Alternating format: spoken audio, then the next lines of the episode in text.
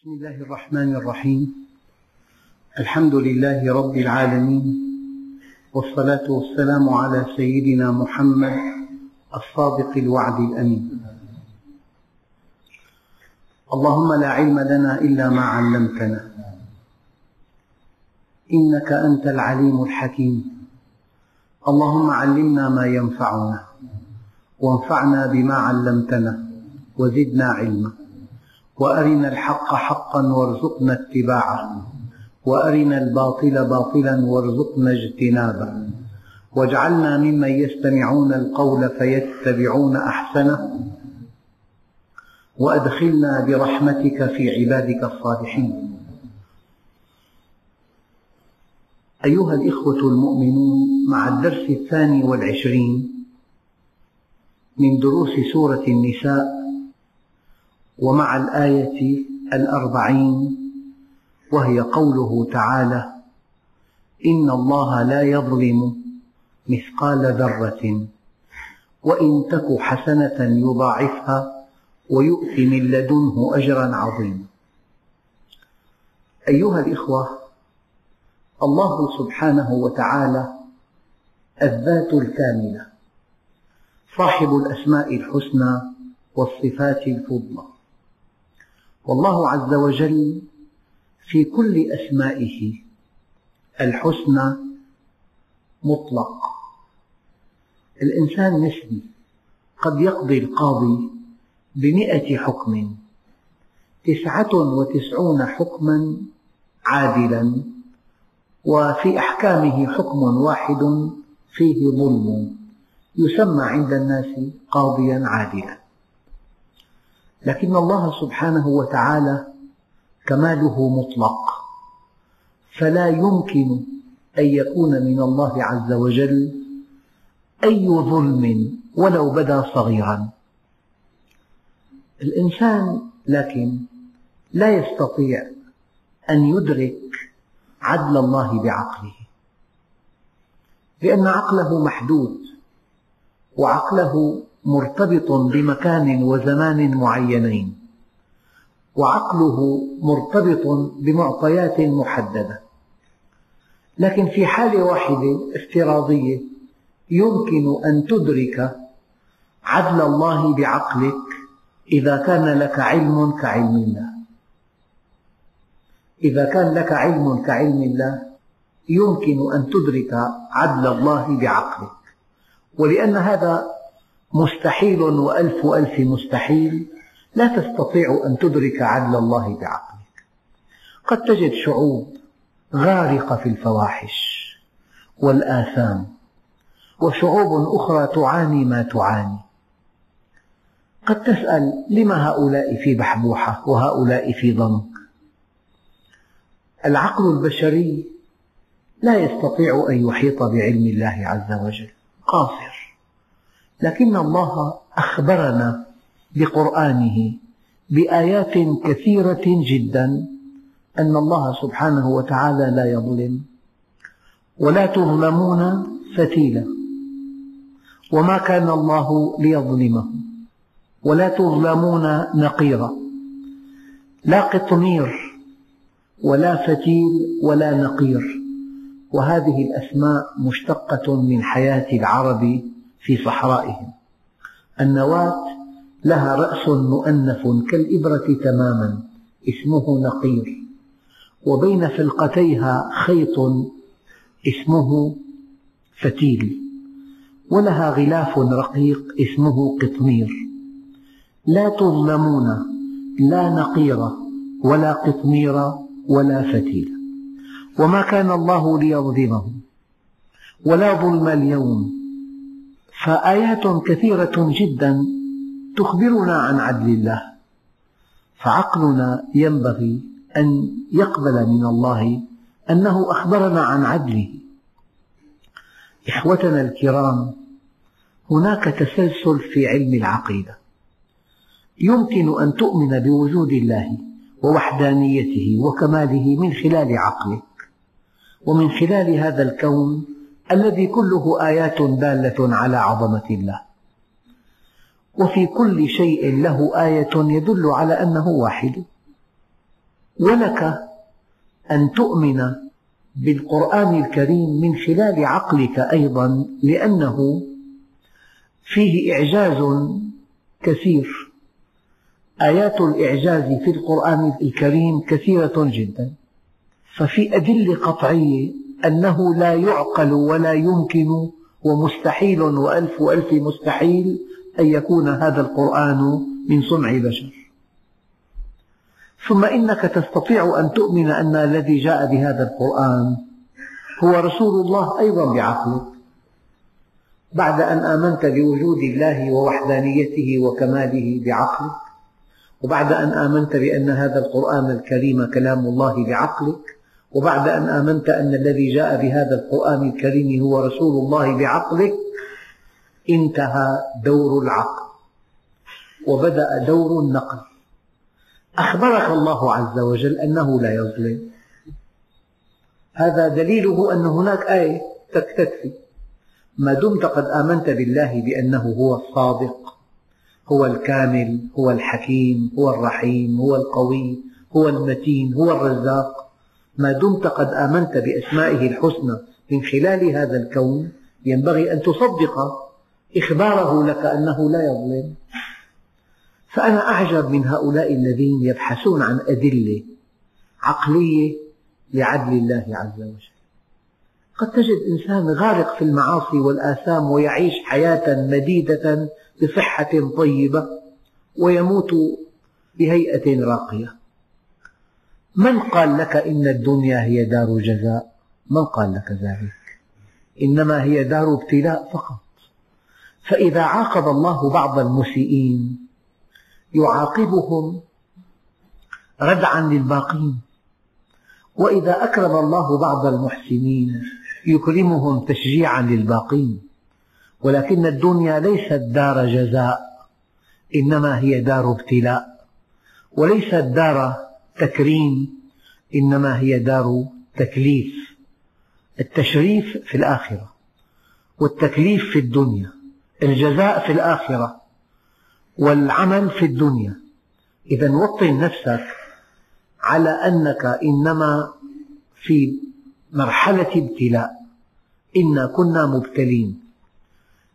لا يقلقك أن ترى إنسانا كافرا يتمتع بالحياة الدنيا تمتع البهائم. يأكل ويشرب ويرتدي أجمل الثياب ويسكن في أجمل البيوت ويركب أجمل المركبات. لا لا يغرنك تقلب الذين كفروا في البلاد متاع قليل ثم مأواهم جهنم وبئس المهاد. قل متاع الدنيا قليل إن هؤلاء يحبون العاجلة ويذرون وراءهم يوما ثقيلا. فإذا نقر في الناقور فذلك يومئذ يوم عسير على الكافرين غير يسير. فحينما تعتقد أو تتوهم أن هذه الدنيا دار جزاء وقعت في خطأ فاحش. لأنك سوف تفاجأ أنه قد تجد إنسان كافر منحرف غارق في المعاصي وهو في أبهى زينة وفي أكبر ثروة وفي أجمل بيت. وقد تجد إنسان حريص على طاعة الله حرصا لا حدود له ويعاني ما يعاني. إن هذه الدنيا دار التواء لا دار استواء. ومنزل ترح لا منزل فرح. فمن عرفها لم يفرح لرخاء ولم يحزن لشقاء قد جعلها الله دار بلوى وجعل الآخرة دار عقبة فجعل بلاء الدنيا لعطاء الآخرة سببا وجعل عطاء الآخرة من بلوى الدنيا عوضا. فيأخذ ليعطي ويبتلي ليجزي. لا شك أن المؤمن يحب أن يوقن أن الله كامل عادل رحيم حكيم قوي متين بيده كل شيء. هذه المعاني ترتاح لها النفس. لذلك حقائق الدين متوافقة مع الفطرة. فأنت حينما تتمنى أن يكون عدل الله مطلقا معك الحق. هذه فطرتك. ولكن لا تسلك طريقا لم يسمح الله لك به أن تسلكه. ينبغي أن تؤمن بعدله من خلال كلامه. قال لك ولا تظلمون فتيلا. لا ظلم اليوم وإن تك مثقال حبة من خردل أتينا بها وكفى بنا حاسبين. آيات كثيرة جدا. لكن أيها الإخوة في مشكلة أتمنى أن تكون واضحة لديكم. أنت تعيش في مجتمع وفي هذا المجتمع الغني والفقير والصحيح والمريض والقوي والضعيف والوسيم والدميم والمعمر وقصير العمر. ما الذي يحدث؟ ترى أن زيدا من الناس قد أصيب بمرض عضال أنت اطلعت على قصة في آخر فصل من فصوله ولأنك لا تدري بقية الفصول تقع في حيرة بما يفسر هذا المرض والذي مرض إنسان مسلم مؤمن متقي مستقيم فيما تعلم قد تجد إنسان آخر في أشد حالات المعصية والانحراف ومع ذلك في بحبوحة وجسمه قوي. أيضا أنت اطلعت على قصة في آخر فصل من فصولها ولم تطلع على بقية الفصول. لكن ما منا واحد أيها الإخوة إلا. وعنده بعض القصص وقد تكون قليلة يعرف كل فصولها من أولها إلى آخرها. من أولها إلى آخرها. يرى عدل الله المطلق يرى حكمته المطلقة. والله أيها الإخوة لولا أن الوقت لا يسمح وأن مقام تفسير القرآن لا يتسع لقصص كثيرة لكن والله عندي عشرات بل بضع عشرات بل مئات من القصص إن سمعت فصولها كلها من أولها إلى آخرها ينبغي أن تخر ساجدا لله عز وجل.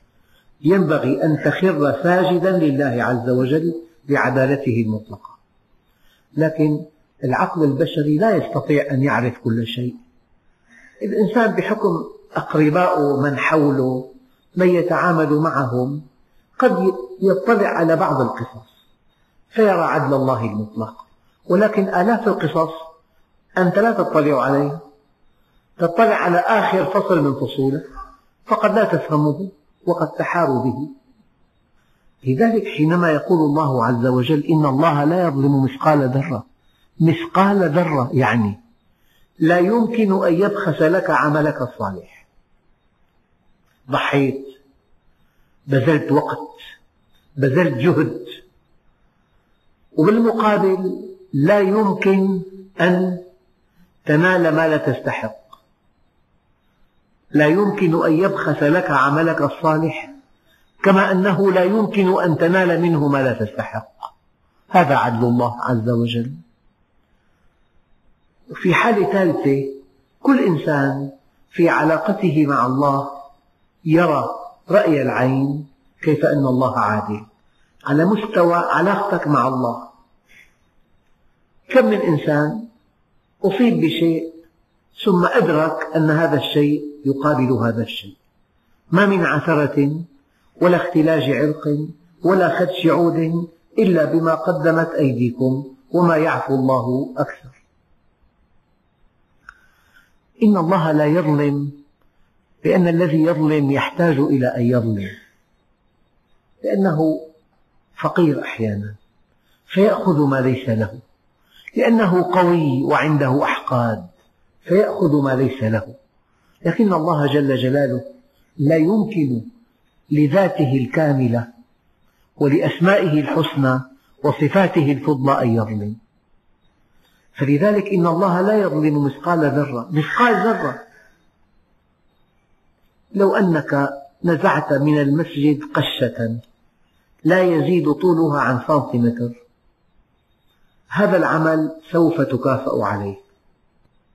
لذلك في بعض الأحاديث أنه يخرج من النار من كان في قلبه مثقال ذرة من إيمان أبدا لكن الآية الكريمة والله تملأ النفس راحة أم حسب الذين اجترحوا السيئات أن نجعلهم كالذين آمنوا وعملوا الصالحات هل يعقل ذلك؟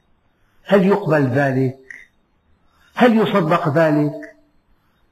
أم حسب الذين اجترحوا السيئات أن نجعلهم كالذين آمنوا وعملوا الصالحات سواء محياهم ومماتهم ساء ما يحكمون حدثني أخ كريم قال ذهبنا إلى بلد غربي لشراء سيارتين وبيعهما في سوريا. فذهبا إلى هناك بالطائرة وعادا بهاتين السيارتين. في بلد أوروبي أظن بولونيا ناما في أحد فنادقها. بعد منتصف الليل طرق باب كليهما من قبل امرأة.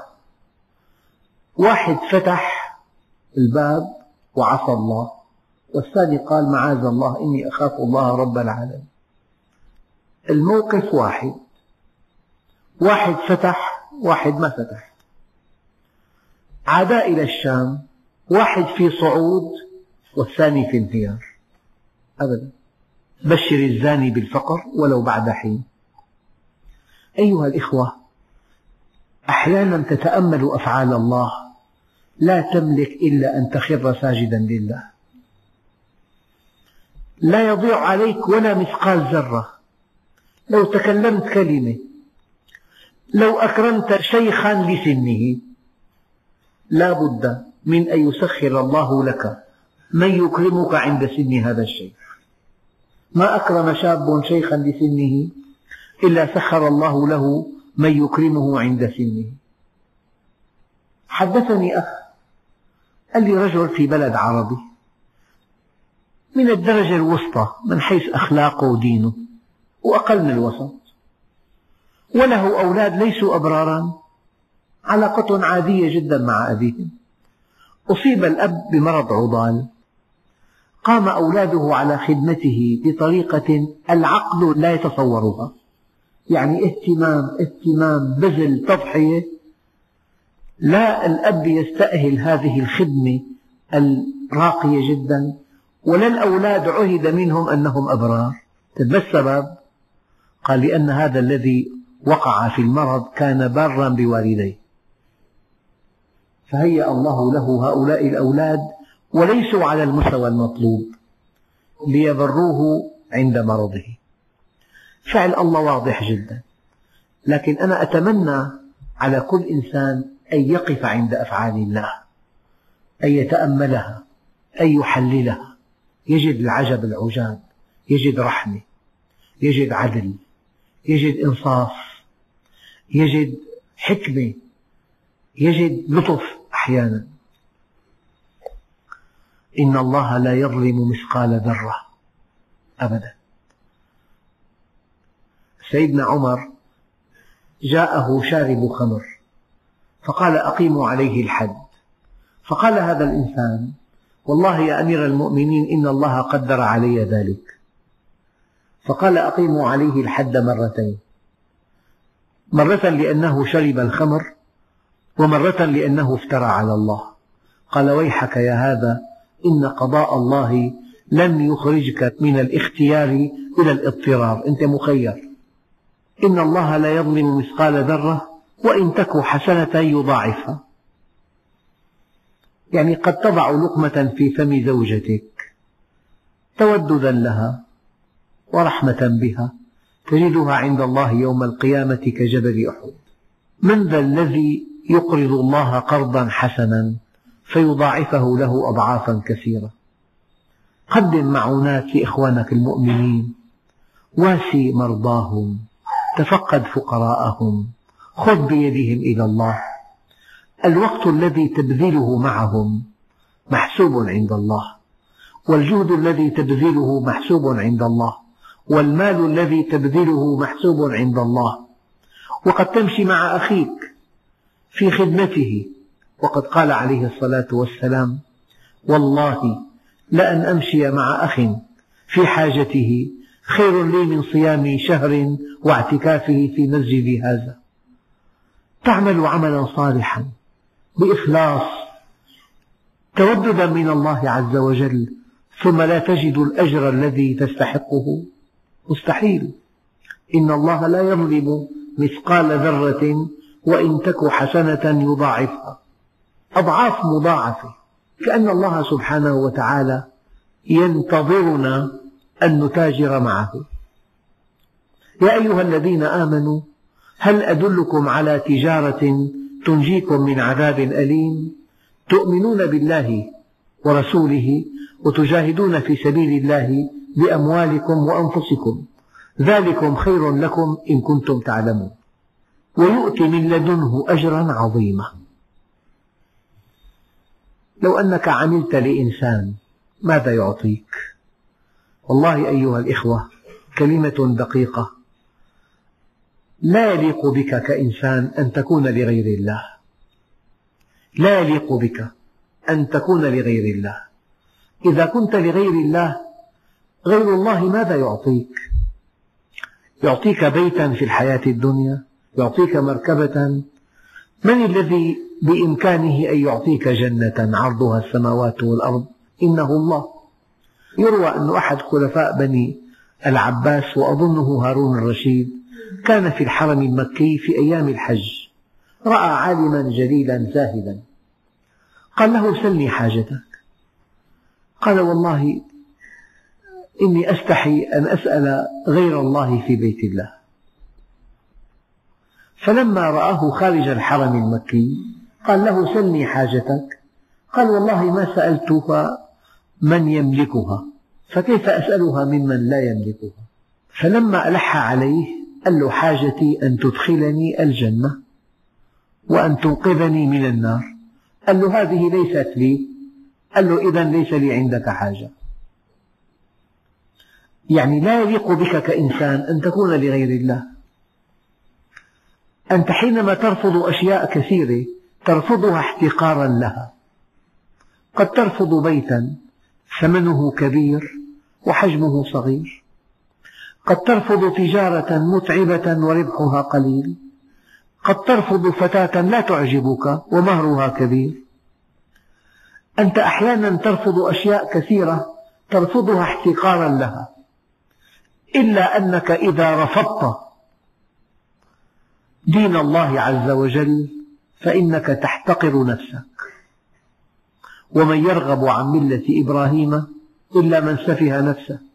إذا إن الله لا يظلم مثقال ذرة وإن تك حسنة يضاعفها ويؤتي من لدنه أجرا عظيما.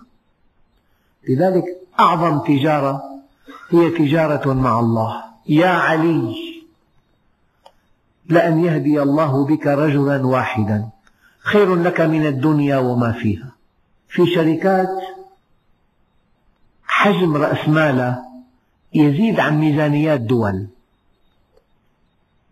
يعني إحصائية قد لا تصدقونها شركة واحدة من الشركات العملاقة. دخلها السنوي يزيد على الدخل القومي لبلد يعد شعبه الخمسين أو الستين مليون. دخل شركة يزيد عن دخل شعب يعد ستين مليون. هذه الشركات لو أنك تملك واحدة منها مثلا قال يا علي لأن يهدي الله بك رجلا واحدا خير لك من الدنيا وما فيها خير لك من حمر النعم خير لك مما طلعت عليه الشمس.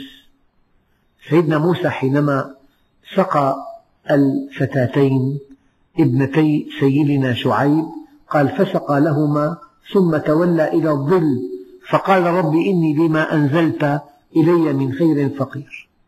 حتى أن في بعض الأدعية ورد أن لا بورك لي في طلوع شمس يوم لم أزدد فيه من الله قربا بعمل صالح يعني.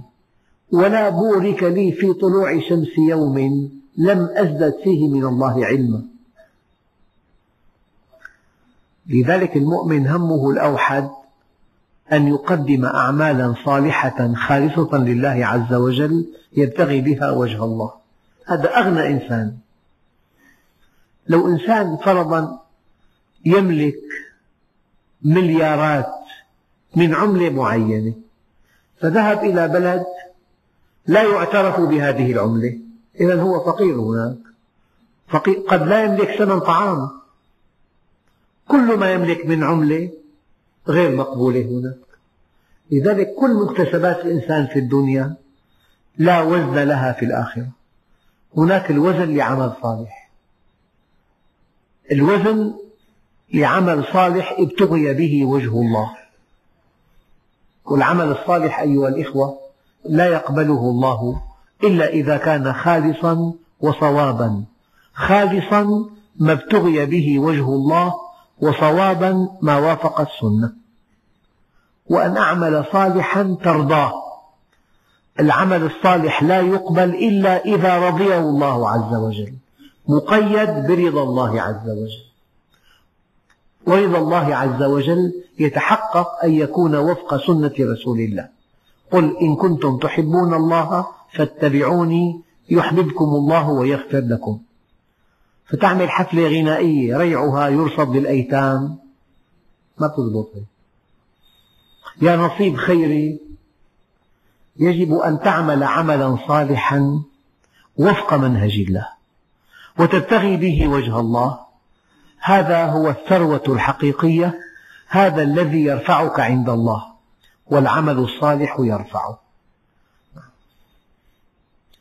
ثم يقول الله عز وجل فكيف إذا جئنا من كل أمة بشهيد؟ يعني كل أمة أرسل الله لها نبيا ورسولا يشهد لها منهج الله وعدل الله ورحمة الله وقد أخبرها أن هناك يوما آخرا فيه يحاسب الناس فيه تسوى الحسابات لأن الله عز وجل لا يمكن أن يدع عباده من دون رسول. من دون إرشاد لقوله تعالى إن علينا للهدى. الهدى على الله وكلمة على مع لفظ الجلالة تفيد أن الله ألزم نفسه بهدى العباد. الله جل جلاله ألزم نفسه بهداية العباد. إن علينا للهدى. فكيف إذا جئنا من كل أمة بشهيد؟ وشهيد صيغة مبالغة على وزن فعيل. يعني نبي كريم يتقن لغة قومه فصيح كامل معصوم يبين يوضح في أعلى درجة من الفطانة والحكمة والبيان والفصاحة. فكيف إذا جئنا من كل أمة بشهيد؟ وجئنا بك على هؤلاء شهيدا. تروي بعض الروايات أن النبي صلى الله عليه وسلم طلب من ابن مسعود أن يتلو أمامه القرآن فقرأ له سورة النساء. فلما وصل عبد الله بن مسعود إلى قوله تعالى فكيف إذا جئنا من كل أمة بشهيد وجئنا بك على هؤلاء شهيدا؟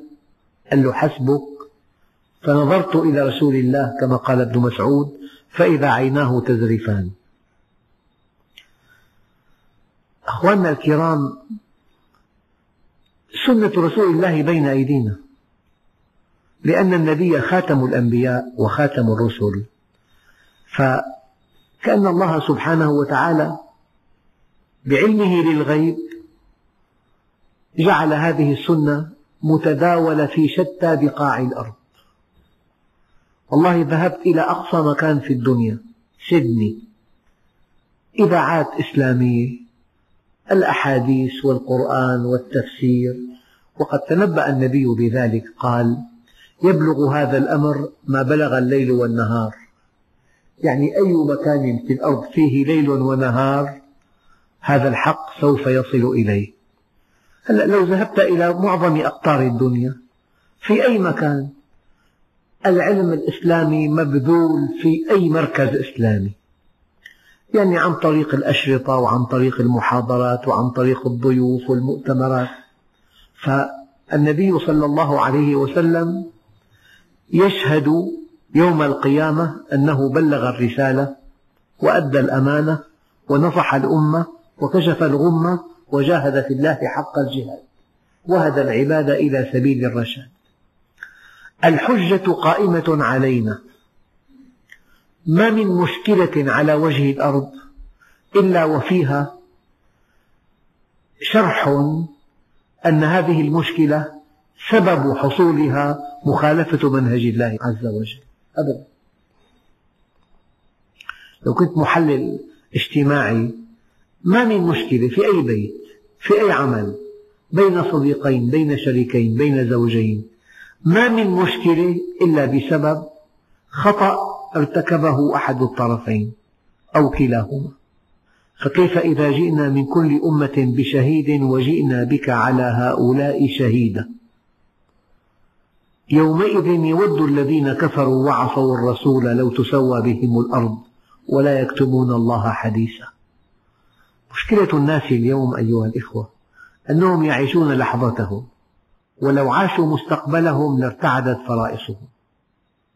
لو تعلمون ما أعلم لبكيتم كثيرا ولضحكتم قليلا. لو تعلمون ما أعلم لبكيتم كثيرا ولضحكتم قليلا. وفي بعض الروايات أن روح الميت ترفرف فوق النعش. تقول يا أهلي يا ولدي لا تلعبن بكم الدنيا كما لعبت بي جمعت المال مما حل وحرم.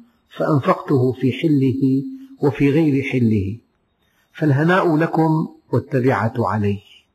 فالإنسان حينما يدرك أنه لا بد من أن يموت والناس ماذا يفعلون؟ يعدون أعمارهم عدا تصاعديا. والأولى أن يعدوا أعمارهم عدا تنازليا أن يسأل كل منا نفسه كم بقي لي. ثم سؤال آخر. هل بقي بقدر ما مضى؟ والإنسان إذا تجاوز الأربعين أغلب الظن أنه لم يبق بقدر ما مضى. فإذا كان الذي مضى مضى كلمح البصر والذي بقي أيضا يمضي, يمضي كلمح البصر. وما من واحد منا إلا وحوله أشخاص توفاهم الله عز وجل. كانوا أشخاصا وكانوا لهم بيوت وزوجات وأولاد. تجارة أو منصب وله عاداته وتقاليده له مكانته له أنماط حياة خاصة. يحب بعض الأكلات يستمتع ببعض الأشياء. فجأة أصبح نعوة على الجدران. بعد حين أصبح تحت التراب. انتهى. ملف انتهى. كل مخلوق يموت ولا يبقى إلا ذو العزة والجبروت. والليل مهما طال فلا بد من طلوع الفجر والعمر مهما طال فلا بد من نزول القبر كل ابن أنثى وإن طالت سلامته يوما على آلة حدباء محمول فإذا حملت إلى القبور جنازة فاعلم بأنك بعدها محمول. يومئذ يود الذين كفروا وعصوا الرسول لو تسوى بهم الأرض. العبرة أيها الإخوة في النهاية العبرة من يضحك آخرا. الناس اليوم يضحكون قليلا حينما يغتنمون بعض الغنائم يقتنصون بعض الشهوات حينما يحققون بعض مباهجهم في الدنيا. يضحكون ولكنهم يضحكون قليلا. فإن لم يكونوا على حق في كسبهم للمال إن لم يكونوا على حق في اقتناصهم للشهوات سوف يبكون كثيرا. لكنك إذا كنت بطلا تضحك آخرا. تضحك حينما ترى مقامك في الجنة. تضحك حينما تموت على الإيمان. وكربتاه يا أبت قال لا كرب على أبيك بعد اليوم غدا نلقى الأحبة محمدا وصحبه. أخواننا الكرام ما لم تؤمن باليوم الآخر إيمانا حقيقيا وما لم تنقل إليه كل اهتماماتك وما لم يكن عملك الصالح موجها إلى الدار الآخرة. مع الإخلاص الشديد فأنت لا تعيش الحياة التي أرادها الله لك. لذلك يقولون في الدنيا جنة من لم يدخلها لم يدخل جنة الآخرة. إنها جنة القرب إنها جنة الطاعة إنها جنة العمل الصالح. يومئذ يود الذين كفروا وعصوا الرسول لو تسوى بهم الأرض. ما قال وعصوا الله؟ وعصوا الرسول. لأن الرسول أمرنا الله عز وجل أن نطيعه. يطاع رسول الله استقلالا. يطاع الله في قرآنه ويطاع النبي في سنته. يا أيها الذين آمنوا أطيعوا الله وأطيعوا الرسول. لكن أولي الأمر يطاعون تبعا يطاعون تبعا. يعني لا طاعة لمخلوق في معصية الخالق. أولو الأمر هم العلماء وأولو الأمر هم الأمراء. العلماء يعلمون الأمر والأمراء ينفذون الأمر. العلماء يعلمون الأمر والأمراء ينفذون الأمر لكن طاعتهم مرتبطة بطاعة رسول الله إذ لا طاعة لمخلوق في معصية الخالق. لكن النبي صلى الله عليه وسلم وحده يطاع استقلالا لقوله تعالى وما آتاكم الرسول فخذوه وما نهاكم عنه فانتهوا. والآن أيها الإخوة في موجة تجتاح العالم الإسلامي هذه الموجة تكتفي بالقرآن. يقولون حسبنا القرآن.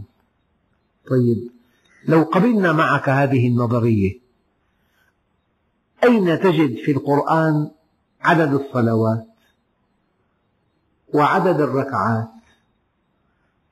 وأين تجد في القرآن أنصبة الزكاة؟ أين تجدها؟ القرآن فيه كليات أما التفاصيل في السنة الشريفة. بل إن السنة الشريفة هي في حقيقتها تبيان لما في القرآن الكريم. من هنا قال الله عز وجل ومن يطع الرسول فقد أطاع الله طاعة رسول الله عين طاعة الله. وطاعة الله تقتضي أن تطيع رسول الله. والدليل فإن لم يستجيبوا لك فاعلم أنما يتبعون أهواءهم. فإن لم يستجيبوا لك فاعلم أنما يتبعون أهواءهم. هؤلاء الذين كفروا وعصوا الرسول يتمنون يوم القيامة لو تسوى بهم الأرض ولا يكتمون الله حديثا. الإنسان معه معلومات. إذا أدلى بها يخاف أن يقطع رزقه أو يخسر منصبه. لذلك يكتمها. هذا الذي يسكت عن الحق شيطان أخرس. أيها الإخوة في درس قادم إن شاء الله ننتقل إلى قوله تعالى يا أيها الذين آمنوا لا تقربوا الصلاة وأنتم سكارى حتى تعلموا ما تقولون والحمد لله رب العالمين.